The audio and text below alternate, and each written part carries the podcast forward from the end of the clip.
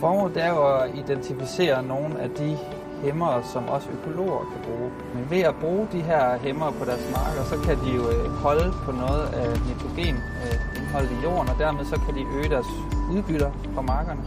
Og samtidig så kan de også mindske udledningen af gasser til atmosfæren. Jamen, vi har de her øh, ventilerede kammer, hvor vi, hvor vi tilsætter noget jord, der er samlet ud på marken, øh, cirka 20-30 cm, og så tager vi noget jord og blander det med noget, nogle nitrifikationshæmmer og noget gødning. Og så, øh, så putter vi det i de her kammer, og så måler vi udledningen af, af drivhusgasser, specielt lattergas, som vi er særligt interesseret i. Ja, her har vi nogle af de nitrifikationshæmmer, vi vil bruge i vores forsøg. Den, øh, denne her, det er lancetbejbrød, noget der vokser i alle vejkanter næsten. Her er noget pilebark ekstrakt her, der har vi en forventning om, at det måske indeholder noget gavsyre, som vi ved er antimikrobielt. Vi har noget